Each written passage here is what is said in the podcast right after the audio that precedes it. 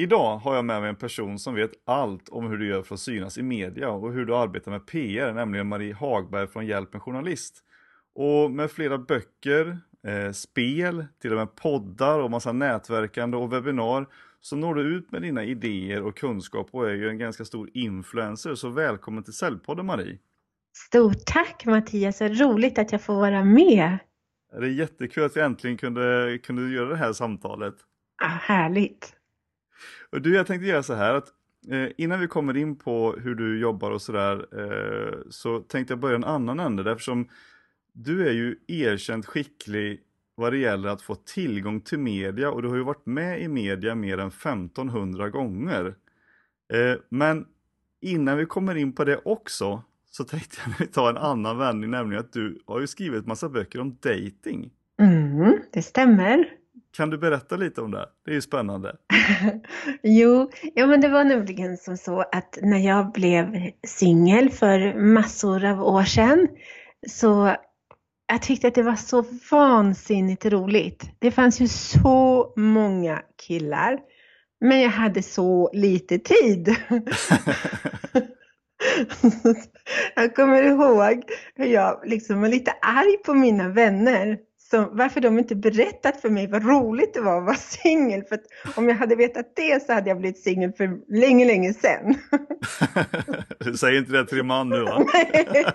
nej, nej, nu är jag så överdrivet lyckligt gift så att jag vill inte ändra någonting.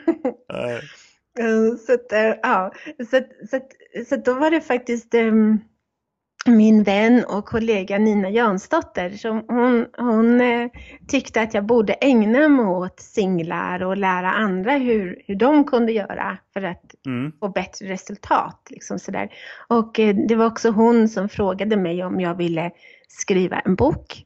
Så då gjorde jag det och sen så blev det tre böcker plus ett sällskapsspel på Alga dessutom. Hur ska man spela det då? Ska man spela det med andra singlar eller hur gör man då? Nej, jag tycker nog att det, det var tanken att det skulle vara dejtingspel sådär, men jag tycker nog att det är, man kan lika gärna spela det med sin, med sin respektive. Mm. Eller med andra par eller sådär. Man behöver absolut inte vara singel för att spela det. Däremot så tycker jag att åldersgräns 18. Okej. Det är den nivån i alla fall. Ja. Och då censurerar de ändå massor av frågorna. Okej. Låter som ett kul spel då. ja, jag vet inte. Det är lite sådär TP, sådär att man ställer frågor. Och, men man lär känna varandra lite bättre. Så ja. det är bra. Ja, så jag gjorde, det, jag gjorde det med en kompis. Jag gjorde det inte helt själv, utan vi var två som, som utvecklade. Ja. Jag tycker att eh, det är ju ändå lite spännande med dating eh, på det sättet. Nu är det väldigt, väldigt många år sedan som, eh, om jag ens har gjort det någon gång när jag tänker efter. Men eh, eh, dating är ju egentligen lite som ett säljsamtal om man mm. bryter ner det. Mm. Eh, för jag tänker att det är ju det är som en intresseväckare först. Man, man ser varandra, man lär känna varandra. Man eh, kollar behov, alltså mm. vad är den andra letar efter. Och sen så är det lite införsäljning, man pratar lite om mig och Eh, sen så kommer kanske någon, någon liten invändningshantering för man kanske inte gillar allt hos den andra personen. Och sen så blir det någon form av avslut, alltså vill du ses igen? Vad tänker du om det här? Nej, men du, du är så klok. Det är väldigt få som förstår att det faktiskt är på det sättet. Att jag har faktiskt tänkt många gånger att min första bok, mm, Börja dejta heter den, att, att jag skulle skriva om den lite så att det istället blev en säljbok. För det är i princip samma sak. Mm. Det är verkligen det. Så jag, jag håller helt med. En, och jag tror att en, en, någon som är en duktig säljare är också bra på att dejta. Ja. Det Just för att man har kunskapen om hur ett vanligt säljsamtal byggs upp så kan man applicera det i den riktiga världen. Ja, jo. Ja, precis. Att, och, och sälj, försäljning handlar ju mycket om relationer. Mm. Så det, och alltså, om du är bra på relationer då blir du bra på att dejta. Precis.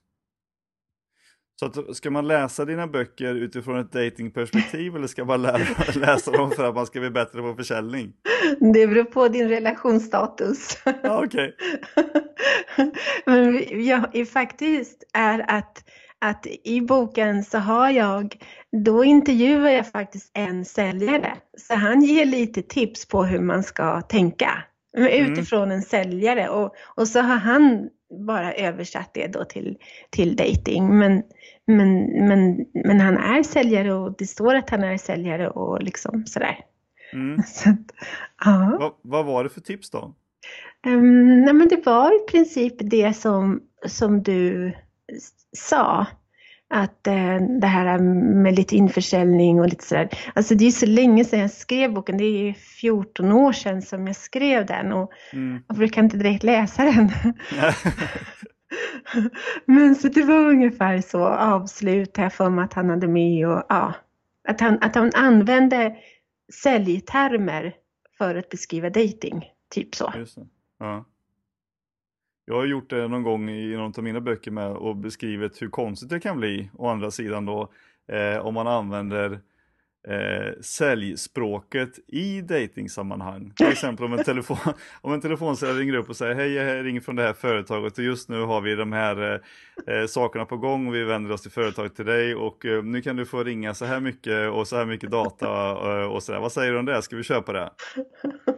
Och jag menar, skulle man jämföra det säljsamtalet i en riktig värld, då skulle det vara att oh, hej, hej, jag heter Mattias här. Eh, just nu letar jag efter en tjej som du och eh, ja, du vet, jag, jag, jag, är lång och jag är snäll och har ett jobb som jag trivs med. Och vad säger du, ska vi gifta oss? Nej, fy så, så hemskt. Det blir väldigt konstigt om man ska hårdra det.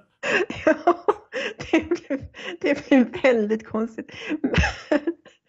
Men samtidigt så måste jag säga att det är faktiskt många karlar som är lite åt det hållet när det gäller dating. Att de, att de, det är lite så de kör. Mm. Ja, de, de, de försöker sälja in sig själva genom att prata om sig själva väldigt, väldigt, väldigt mycket. Och då, mm. och då funkar det inte. Nej.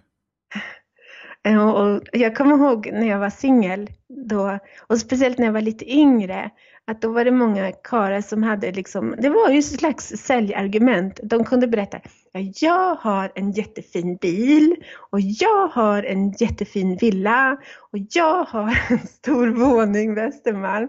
Och jag tänkte bara för mig själv alltid, jag var lite naiv, jag tänkte alltid för mig själv, men varför berättar du det för mig? Vad har jag med det att göra? Jag mm. fattar ju inte liksom att det var för att de försökte sälja in sig själva. Så att, ja. Eh, det funkar sådär? Ja, det funkar sådär. Ja.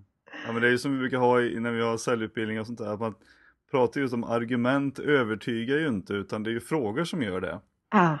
Eh, och det kanske är en variant att ta efter, att man ställer lite mer frågor även i dejtingen. Ja, ja.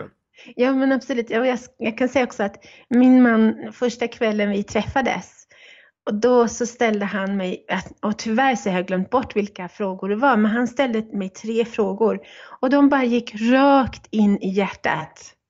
Och, och jag föll liksom, kanske inte riktigt pladask, men, men jag kände ändå, gud vad är det här för en kille?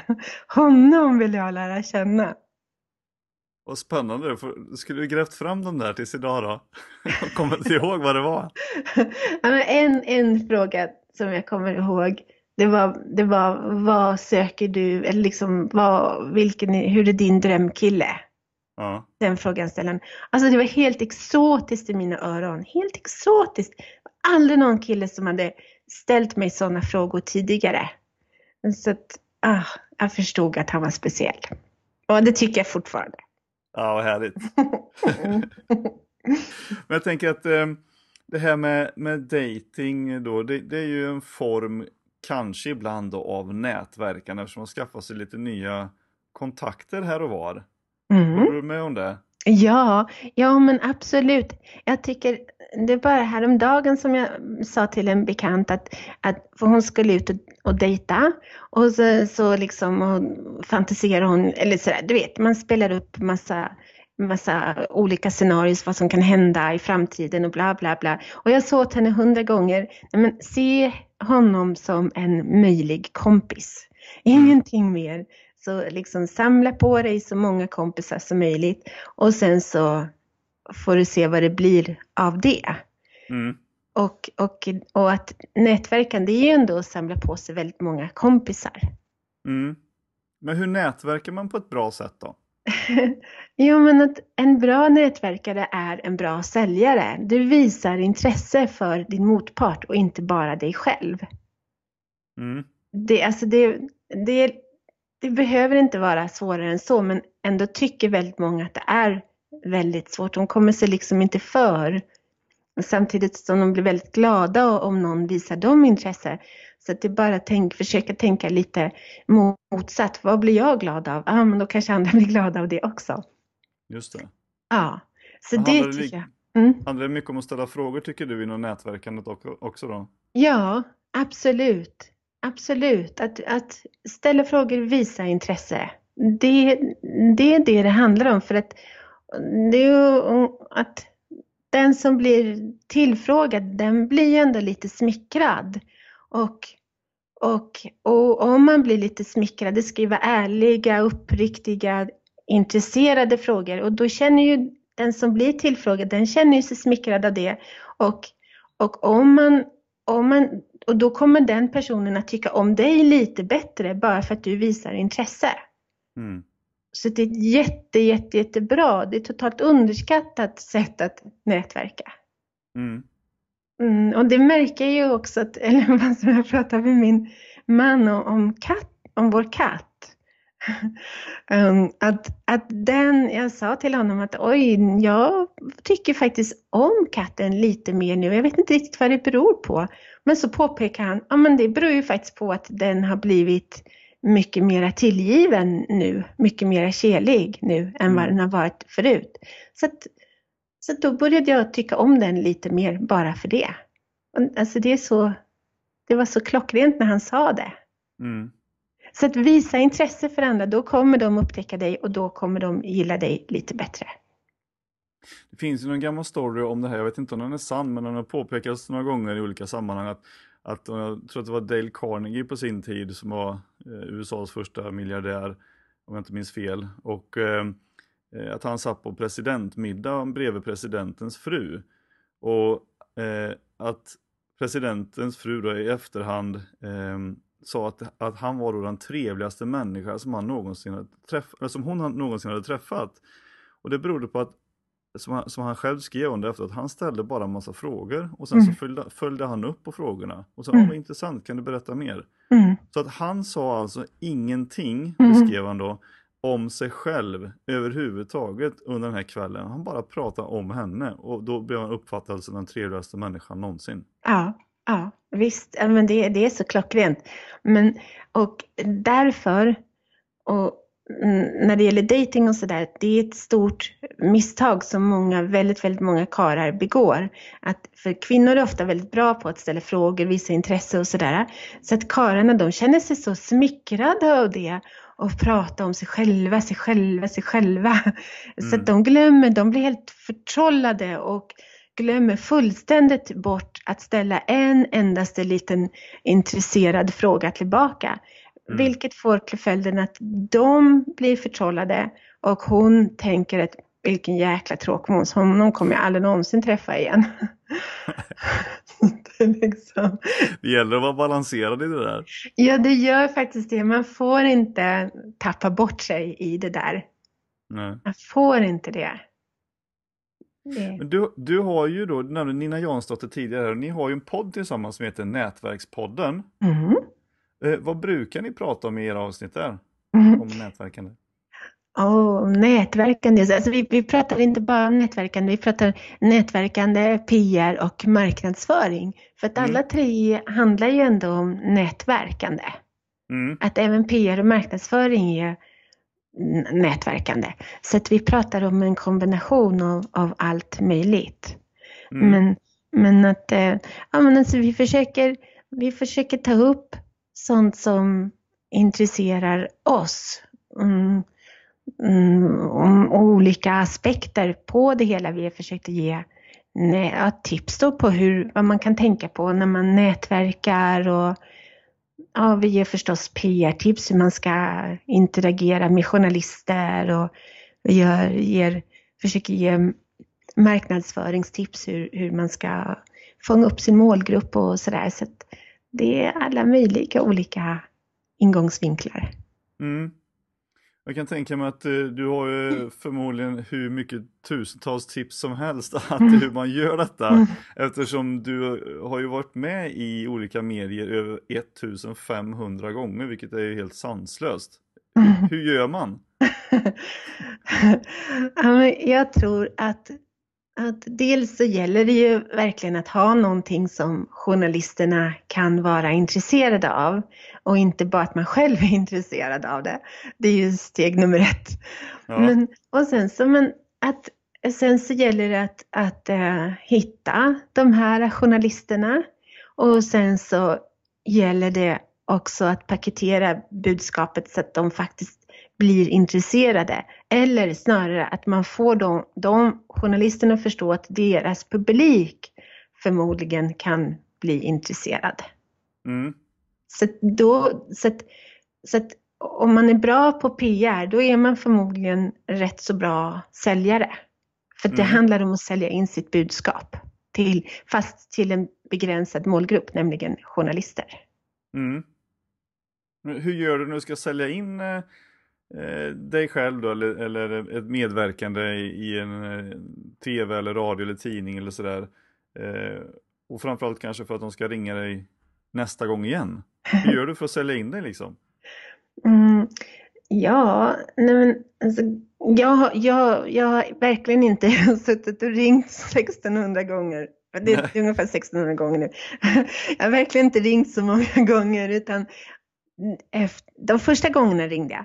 Men sen så, sen så blev det ju så att journalisterna hittade mig.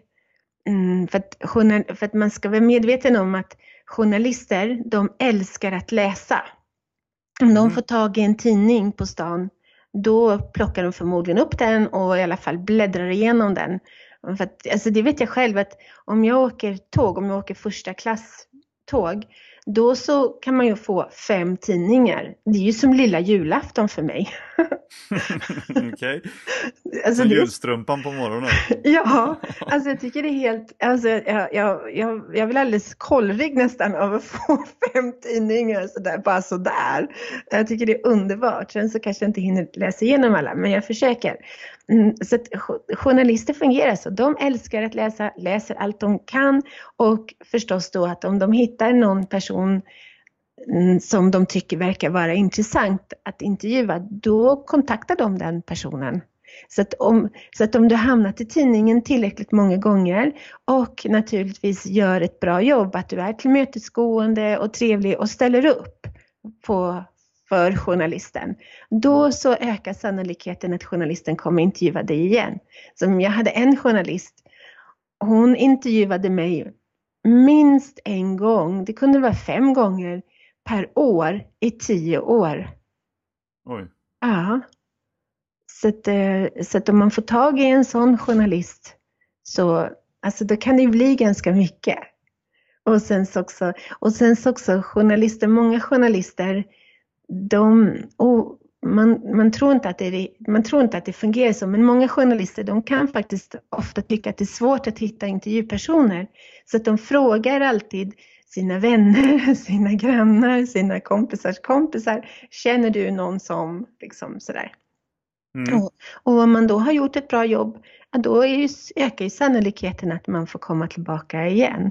Och sen så också förstås att, att TV4, Expressen, Aftonbladet och sådana här stora tidningar, de har ett kartotek över intressanta personer inom olika ämnesområden.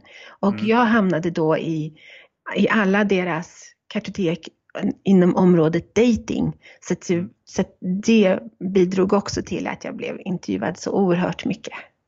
Just det.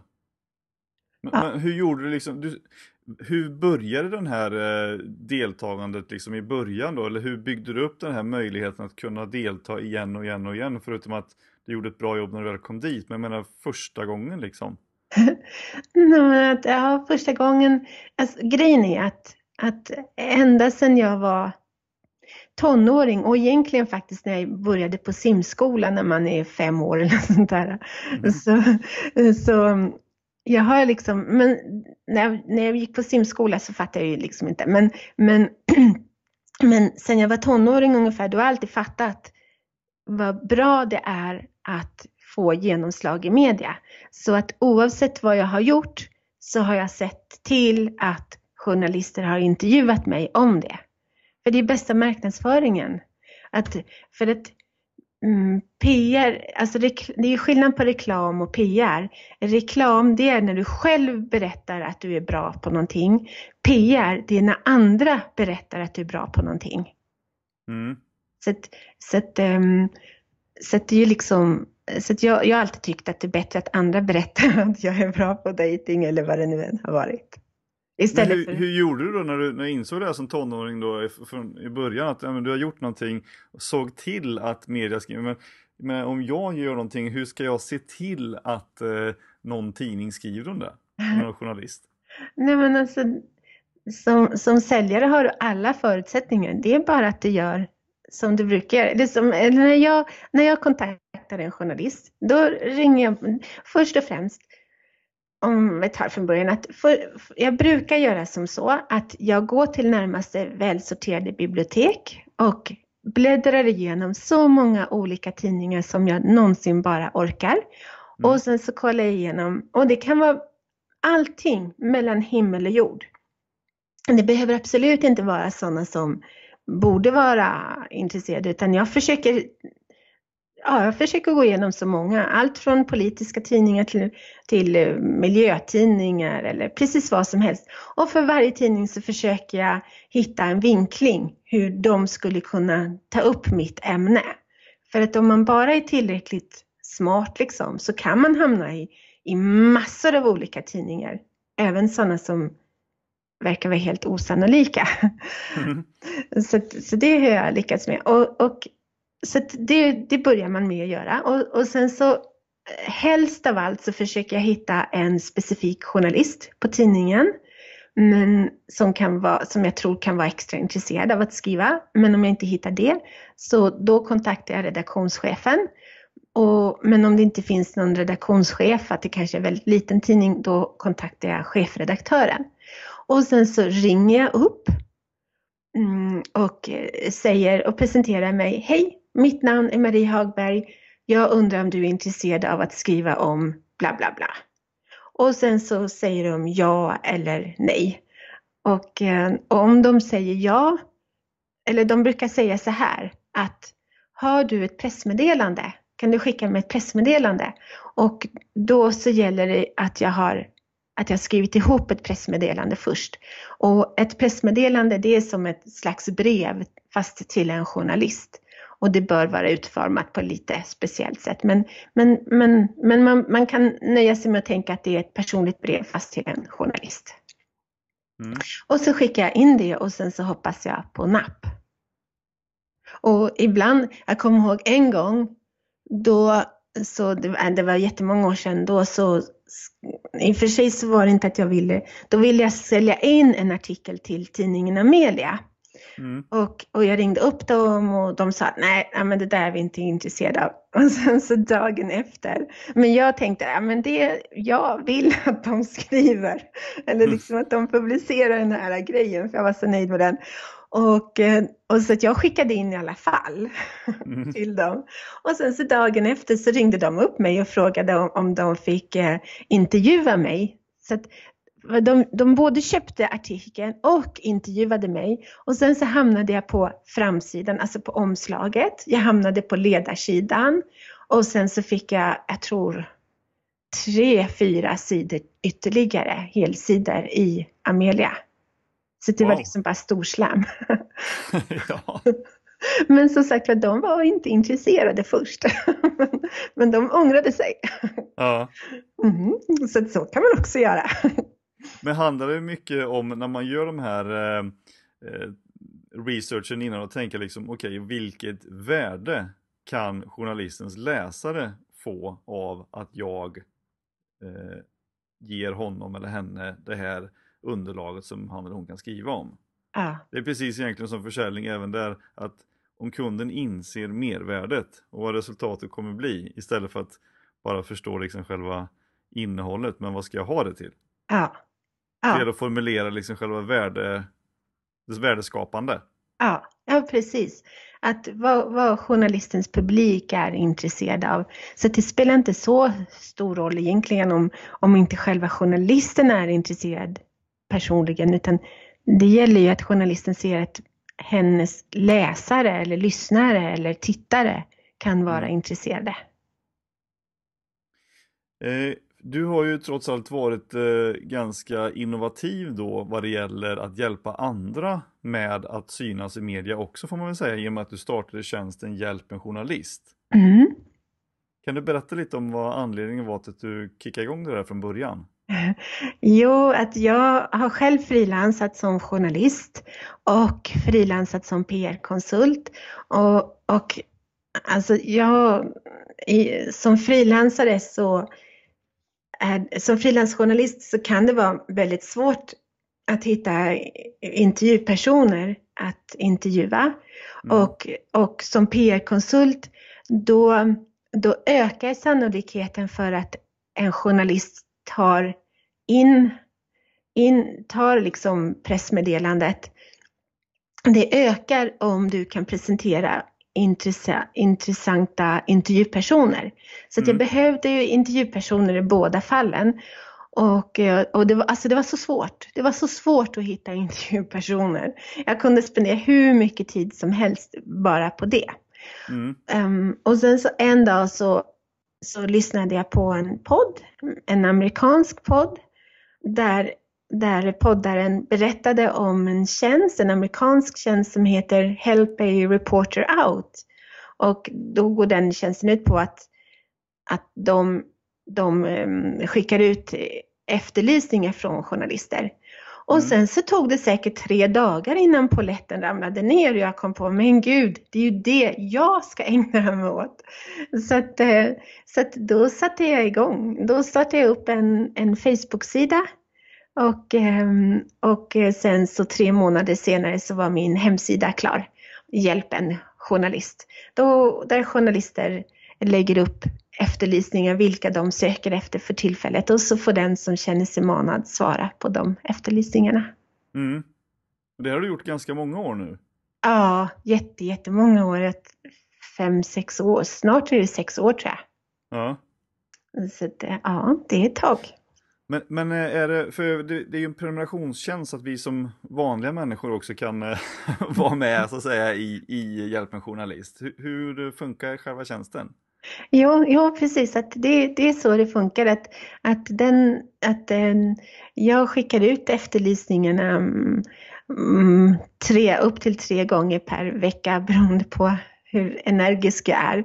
Måndagar, onsdagar och fredagar och beroende på hur många efterlysningar som kommer in förstås. Mm. Och då så får den som känner sig manad, den, får- den får svara då och eh, berätta, ja, svara på journalistens frågor och motiver, gärna motivera lite varför just den personen ska vara intressant att, för journalisten att intervjua. Så det är många som hör av sig och säger, tjena, jag heter Johan, jag eh, intervjuar mig. Men det är liksom, det funkar inte så. Man Nej. måste motivera någon rad att ja, men jag har erfarenhet av det här och jag, då har jag gjort så och så och så. Liksom så så det, det skulle kunna funka om man heter Madeleine Bernadotte, men inte annars. Ja, just det. Det krävs lite mer än bara heta Johan. Ja, ja. Mm. Men det är väldigt många som inte riktigt förstår det. De tycker att här är jag, intervjua mig. Men det, ju- det funkar ju inte. Det är ungefär som, jag brukar säga att det är ungefär som att man söker jobb. Då måste man ju motivera varför just man själv är precis rätt person att intervjua. Annars, så kommer, annars kommer den tjänsten gå till någon annan. Mm. Så, ja. Det gäller att kunna ha ett mervärde som sagt även där. Det Ja, är varför man ska få en intervju. Ja, det gör ju det. Och, och dessutom att, att, eh, för att det är så få förunnat att få sina, alltså få mediautrymme. det är så väldigt, väldigt många som konkurrerar om den möjligheten så jag tycker att ta en minut extra till att motivera varför du är intressant för journalisten så ökar dina, dina chanser tiofalt. Just det. Ah. Men om man är lite intresserad av att hänga på där då, är det eh, länkar till det kommer läggas till eh, det här avsnittet på cellpodden.se men själva länken till sidan är hjälpenjournalist.nu. Ja, precis. Mm. Och sen så lägger jag ut, jag har också en Facebook-sida och Facebookgrupp och, och eh, LinkedIn lägger jag också upp efterlysningarna på. Mm. och Instagram och Twitter. Så att det går inte att missa. Nej, precis. Det gäller bara att signa upp sig först. Ja. ja.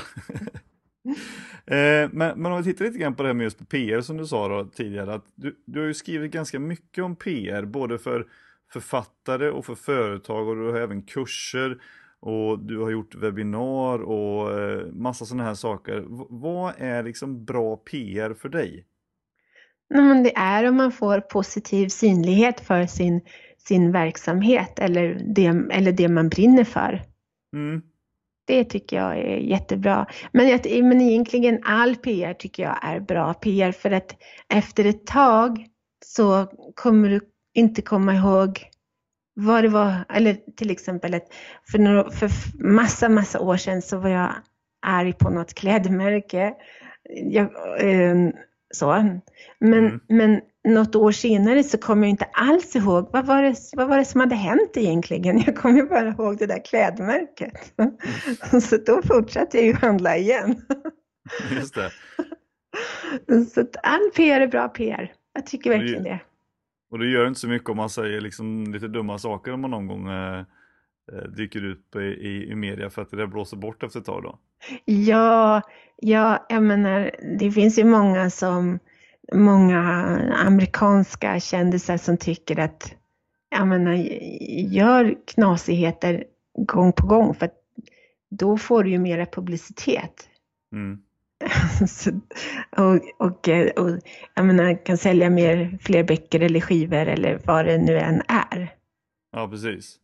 Ja. Men, men vad är skillnaden på tänket om PR-arbete idag jämfört med för låt säga 10-15 år sedan? Jag tror att idag så är det, idag så måste det synas överallt. Dels att det är så mycket, det är så mycket svårare att nå igenom idag än det var för tio år sedan. För att nu så blir vi så oerhört bombarderade av budskap överallt hela tiden. Mm, så att det är väl det som, det har blivit svårare. Plus att, att eller det har också, det har också blivit lättare. För att um, Fler och fler journalister får sparken. Det är väl snart inga tidningar kvar där ute längre, vilket mm. innebär att färre journalister ska göra mer arbete. Men, och det här kommer ju ingen journalist erkänna eller tidning eller så, men om du skriver ihop, om du gör ett riktigt, riktigt bra pressmeddelande till exempel, då journalister är så stressade så att om, om det är ett riktigt bra pressmeddelande då kan de ta det rakt av. Så det har jag själv gjort några gånger. Jag har fått in det rakt av. Mm -hmm. ja. Utan omarbetning alls? Nej, ingenting. Bara poff, in, in i tidningen bara. Men är det så att, det, att tipset är liksom att eh, att alla som har ett företag då ska skriva ett litet pressmeddelande om, som, som, är någon form av standard eller ska man skriva efter en mall som gör varje gång det händer någonting som man skickar till tid, olika tidningar och journalister eller hur, hur det tänker tycker du runt, runt det för oss företagare? Jo, jag tycker att, att, att grundprincipen är, har du något att säga, säg det. Mm. och fatta då telefonluren och ring upp och, och, presentera vad du vill säga. Men att du har ett pressmeddelande redo ifall de vill ha, är intresserade av att veta mer. Mm. Och om du är riktigt tvärsäker på din sak så kan du skicka in pressmeddelande även om de inte vill ha det. Men det är viktigt att ringa upp. För att det är ja. allt för många som bara skickar ett pressmeddelande och då är sannolikheten väldigt stor att ingenting kommer att hända. För att en vanlig redaktion kan få 300 pressmeddelanden per dag. Ja. Så det är oerhört svårt att nå ut genom bruset. Ja. Mm, så så att, ja, så det, är väl, det är väl det som är det viktigaste, tycker jag. Att verkligen bara fatta telefonen och ringa. Ja. Mm. Man måste vara lite mer om sig och kring sig om man just vill nå ut i, i, till journalister med andra ord. Ja, det måste man vara. Och sen så också, och sen så också så tycker jag så här att, att man, men man bör ha en riktlinje, vilket jag själv inte alls följer, men jag har i alla fall som ambition. Och det är att, att höra av sig till journalisterna åtminstone tre, fyra gånger per år. Mm. Men kanske varannan månad eller sådär vore ju toppen. Men för att, och, och man, om man tänker sådana stora företag, till exempel Ericsson och sådär, de kan ju skicka pressmeddelanden var och varannan dag. Mm. Det, och men, men, men det allra, allra viktigaste med ett pressmeddelande, det, det sorgliga är att det allra viktigaste det är att visa att du fortfarande finns. Inte har gått under liksom. Så att det är liksom en ständig påminnelse om, för att, att till slut så kanske journalisten blir nyfiken på dig. Om du liksom skickar tillräckligt många någorlunda intressanta pressmeddelanden. Det, det måste ju verkligen vara någorlunda intressant. Mm. Inte, inte vad som helst liksom. Man behöver inte satsa allt på ett kort och bara liksom okej okay, nu har vi lagt ner massor med tid på det här pressmeddelandet, nu får det gälla liksom för tusen olika en endaste gång. Nej, nej. Och sen så också så tycker jag att det är viktigt att, att man varierar pressmeddelandet beroende på vem man skickar det till. Mm. Och sen så också om man vill skicka till två konkurrerande tidningar, till exempel Expressen och Aftonbladet, då är det bra om man kontaktar den ena tidningen först och faktiskt berättar att ni har första king på det här pressmeddelandet. Och, och för det ökar sannolikheten att de tar det. Och, och liksom informerar att om en, någon vecka så skickar jag till liksom den andra tidningen. Mm. Men att man är noga med att göra det, att man, att man inte skickar till båda två samtidigt för då kan de bli arga och då, då kanske man inte får få höra av sig till dem något mer. Så det är ju lite onödigt. Ja, Så, precis. Ja, man måste vara lite smarta, lite finurlig. Men, men har det ändrat sig man tänker, liksom, många tänker att, ja men vadå journalistik, eh, gammelmedia och så vidare, ska man verkligen hålla på med dem, hur mycket genomslagskraft finns det i dem jämfört med att eh, gå på bloggar eller eh, andra influencers på YouTube eller vad det nu kan vara? Ja, fast um, influencers de vill ju ha betalt. Journalister mm. gör det gratis. Så det tycker jag är en väldigt stor fördel. Mm. Om, man inte, om man inte har mycket pengar förstås så kan man ju göra både och. Men annars så tycker jag att man ska satsa på journalister. Mm. Och, och sen så också för att, och sen så också, må, och, och just, eh, många brukar tänka att ja, men, journalister, att ja, men, de kanske inte är intresserade av lilla mig och vad jag har att komma med och sådär. Men jag brukar säga att man ska vända på strecken. Att man ska tänka att om man inte hör av sig till journalisten, då skäl man från dem. För att de är ju faktiskt beroende av att de får in intressanta tips. Och, och eh, min åsikt är att alla har någonting som är intressant för journalister att skriva om. Det gäller så att säga bara att formulera det riktigt. Mm. Det är ju som ens egen liksom, argumentation för varför man har sitt företag eller varför man ska vara på sitt eget jobb. Det finns ju någonting som är intressant med mig själv eftersom någon vill anställa mig. Eller det finns ju någonting som är intressant med mitt företag eftersom folk vill köpa mina tjänster. Vad är det? Ja, Ja, exakt, exakt. Om man kan ta fram det och verkligen spetsa till det så då har man stora möjligheter. Mm. Och, och vara lite enträgen också. Ja, ja men det, det måste man vara. Och, och ja, och som, sagt var att man är, att man, att, och, och sen så också en sak att om eller när journalisten blir intresserad då får inte du vara div, divig. Nej.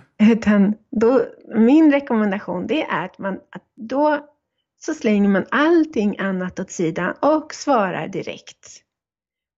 Mm, var så tillmötesgående som möjligt. Ja. Då har man störst chanser att lyckas. Vi har hört att sådana här ja, riktiga toppolitiker, att de, det finns vissa politiker som hörs och syns hela tiden i media och det är ingen slump, det är ingen tillfällighet. Det är för att de, just de är väldigt tillmötesgående mot journalister. De ställer upp. När journalisten ringer så ställer de upp.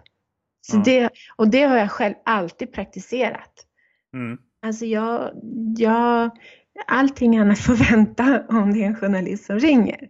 Och jag mm. menar, jag har ju varit väldigt framgångsrik med den strategin. Mm. Ja, uppenbarligen, eftersom du har varit med 1600 gånger så, så funkar den ju uppenbarligen. Ja, ja. jo. jo. Eh, men de här böckerna, de här kurserna då, hur, hur, eh, om man vill gå dem eller läsa dina böcker, vart får man tag på dem? Ja, eh, man kan, det finns samlat på hjälpenjournalist.nu så att där så, så kan man antingen, om man, om man vill prenumerera på mitt nyhetsbrev med aktuella efterlysningar, då kan man, då kan man få en liten pdf med mina bästa PR-tips eller så kan man köpa PR-tipsen i, i, i tryckt, en liten tryckt skrift, mm. kostar bara en hundralapp. Eller så kan man gå en liten, en liten PR-kurs för författare, är det mm. egentligen. Och, den, och då får man, då ger jag ut, eh, det var faktiskt en journalist från en, en eh, stor affärstidning hon, hon bara suckade. Åh, oh, det här, det här borde alla företagare veta. Det jag tar upp i den kursen. Så det är PR för författare.se så hittar man den gratiskursen. Mm, um, ja, och alltså det är bra. Det är, det är bra tips som alla, oavsett om man är författare eller ej, kan, kan ta till sig. Det är väldigt grundläggande nivå. Men å andra sidan sett så vill en av tre svenskar bli författare. Så det är Precis. många. Ja. Det att skriva är ju en sak, men det är någon som ska läsa det också. Då måste man ju nå ut med den boken eller det man har gjort. Ja. Eh, och då kan det vara bra att veta hur det ska gå till. Ja, det är så många som glömmer det. De bara tänker att ja, men jag vill skriva den här boken. Men, men om ingen läser den där boken, då är det ju faktiskt ganska bortkastad tid. Då är det bättre att man gör någonting annat, kan jag tycka. Ja, precis. Jo, men mm. det är ju PR och, och göra liksom, nå ut med den är ju nummer ett när den väl är färdig. Ja, men och, och kanske innan också för Innan, ja, i samma ögonblick. Min rekommendation är att om du bestämmer dig för att skriva en bok eller nästa gång du vill skriva en bok, att samma sekund som du bestämt dig för att nu ska jag skriva en bok till, då så börjar du med ditt PR-arbete också. Så att du, mm. det pågår simultant. För det är åtminstone en tredjedel av arbetet så är det PR. Mm. Att annars så blir det ju världens mest väl, bäst, liksom välförborgade hemlighet och det är ju ingen vidare. Det vill man ju inte precis. vara. Nej. Och hemligheter tjänar inga pengar eftersom ingen Nej. känner till dem, kan, ingen kan köpa. Så det, så att satsa på PR-arbetet. Och en gång till då, vart får man tag på själva det här om vi tänker PR för författare? prförfattare.se? Ja, ja mm. men det, det, är länkat från hjälpenjournalist.nu. Yes. Jag lägger lite länkar till det också på, på säljpodden.se efter det här avsnittet sen. Trevligt. Man eh, kommer åt det väldigt enkelt. Eh, men sen så är du väldigt aktiv då i sociala medier som nämnde tidigare och jag tänkte vi kunde prata lite om din roll där. För det blir ju att du är lite grann av en influencer i de här sammanhangen och du har många följare och med på många ställen. Men tänker du dig själv som en influencer? Nej, jag gör ju inte det.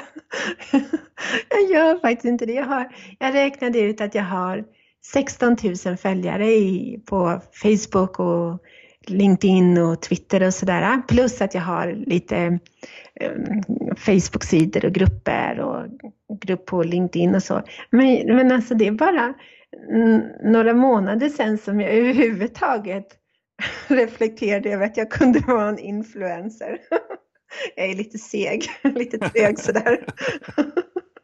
Så, nej. nej, men jag tycker att det är svårt att ta till sig att, eller liksom, jag vet ju det att det är många som läser vad jag skriver och, men ändå lite svårt att ta till mig att, att det kan vara så intressant liksom. Jag vet, det är så knasigt. Det är som att någon säger att man är ett geni, det, det, får stå för andra, man kan inte säga själv att man är det. Nej, nej, nej, nej, nej men det går ju inte. Men så jag tycker det är så svårt att ta till sig. Ah, och jag jobbar ändå med PR och fattar inte det där. Så det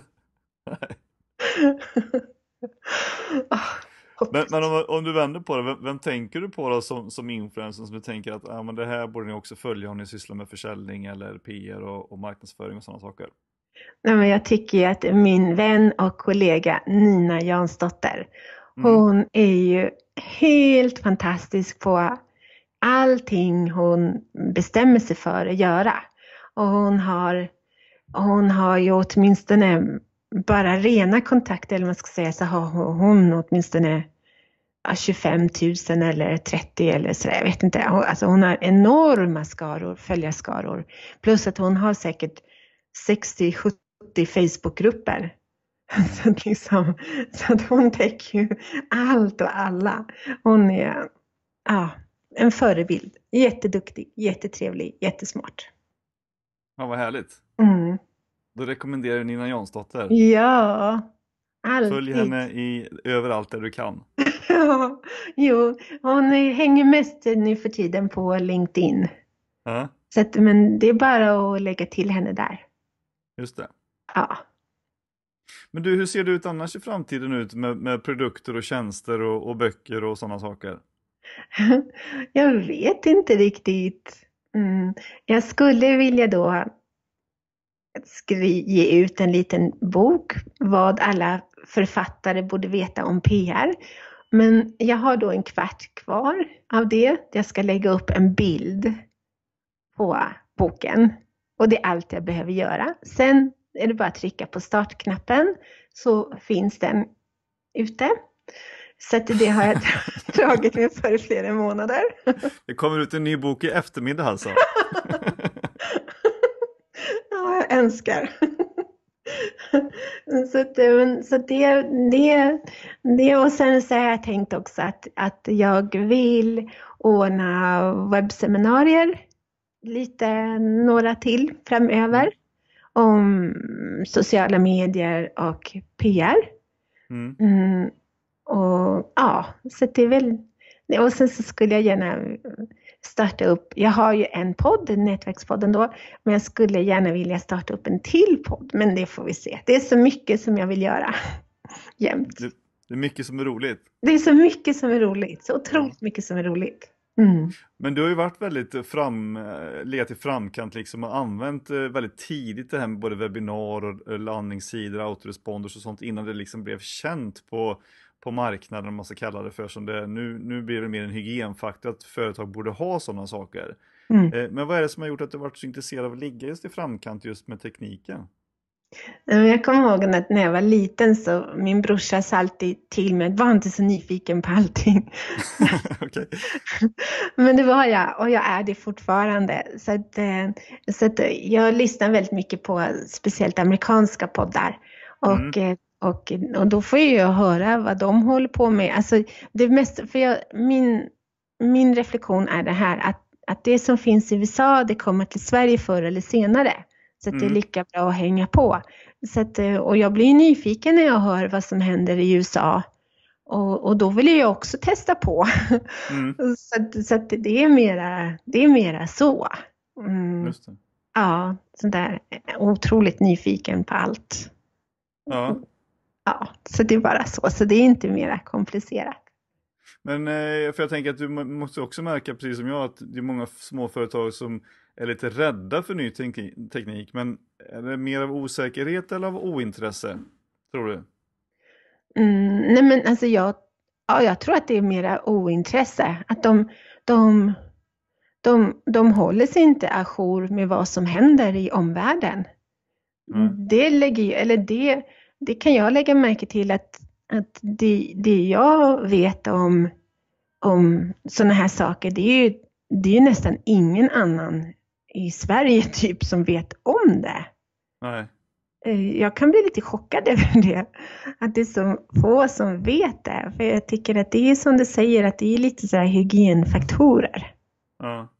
Och, och, och sen så också jag pratade med en, en poddare och han tyckte det att om att för några år sedan då skulle alla företag ha en blogg Och eh, hans teori är att om några år så kommer alla företag ha en podd. Ja. Så, att, eh, så jag tror Det kanske blir en hygienfaktor också sen. Ja, jag tror det, att, att det, att det kommer bli det. Ja. Mm. Ja, men, men, men, det är så roligt med all, all ny teknik. Så att om jag bara hade de tekniska kunskaperna eller råd att anlita någon för att hjälpa mig så skulle jag ha mycket, mycket, mycket, mycket mer. Absolut. Det blir en shout-out här till alla som lyssnar att om ni vill hjälpa Marie med att nå ut ännu mer så eh, ta kontakt. Och hur gör man det för för det första då? Mm, bäst är att skicka ett e-mail till marie hjälpenjournalist.nu eller så går det förstås bra att kontakta mig via sociala medier, via LinkedIn eller ja, LinkedIn är bäst tror jag. Men, Ja. eh, men jag finns ju förstås på Facebook och Twitter och sådär. Men på Facebook så kan ju meddelanden försvinna lite lättare. Så att LinkedIn eller e-mail är, är lättast. Eller förstås att ringa mig. Det Mm. går också jättebra. Ska lägga som sagt länkar till detta under avsnittet där på säljpodden.se sen också så att alla kan ta del av det. Eh, som du får eh, kontakt med någon som du behöver. Vad trevligt. Eh, men du, eh, tack så jättemycket för att du tog dig tid att vara med i Säljpodden och eh, stort nu lycka till med dina projekt framöver. Men stort tack själv Mattias. Det var så trevligt att få vara med. Jag har ju hört dig eh, speciellt förut när du lanserade din podd. Då lyssnade jag på massor av avsnitt. Mm, så jag, och, och jag fick ju faktiskt vara, jag blev omnämnd också, måste jag stolt påpeka, i ett avsnitt för flera år sedan. Mm. Just det. Ja, alltså jag är så stolt över att få vara med nu och bli intervjuad också. Att- I- Att det äntligen blev av. nej, nej. jag hade inga sådana förhoppningar. Men jag är så glad över att jag fick vara med nu. Jag är positivt överraskad av det. Väldigt positivt överraskad. Det var jättekul att du kunde ställa upp. Så tack så jättemycket som sagt och, och stort lycka till. Tack detsamma Mattias. Tack.